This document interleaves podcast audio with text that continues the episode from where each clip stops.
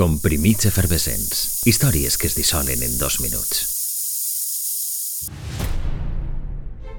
Ocultes darrere d'una prestatgeria giratòria, viviren confinades durant dos anys dos famílies senceres.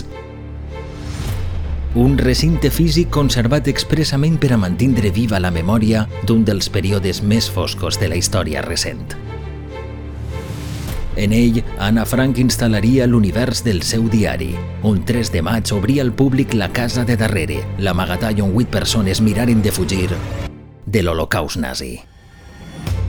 Desafortunadament, no ho aconseguiren. De fet, l'únic supervivent dels habitants d'aquella casa fou Otto Frank, el pare de l'autora del cèlebre diari. Seria precisament la popularitat de la seva publicació la que impulsaria les visites a una vivenda que se salvaria de la demolició quasi segura el 1955. Només el primer any de funcionament com a museu, la vivenda rebria un total de 9.000 visites.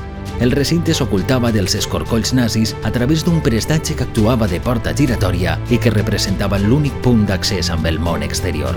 Apenes 50 metres quadrats on conviviren dos famílies, i tot i les estretors, Anne Frank explicaria en el seu diari que la considerava un luxe si la comparava amb altres amagatalls d'Amsterdam. En ser descoberts i enviats a camps de concentració, el diari i altres objectes foren oportunament rescatats. Molts d'ells formen part d'este museu consagrat a la memòria dels perseguits de tots els temps i cobria al públic un 3 de maig de 1960.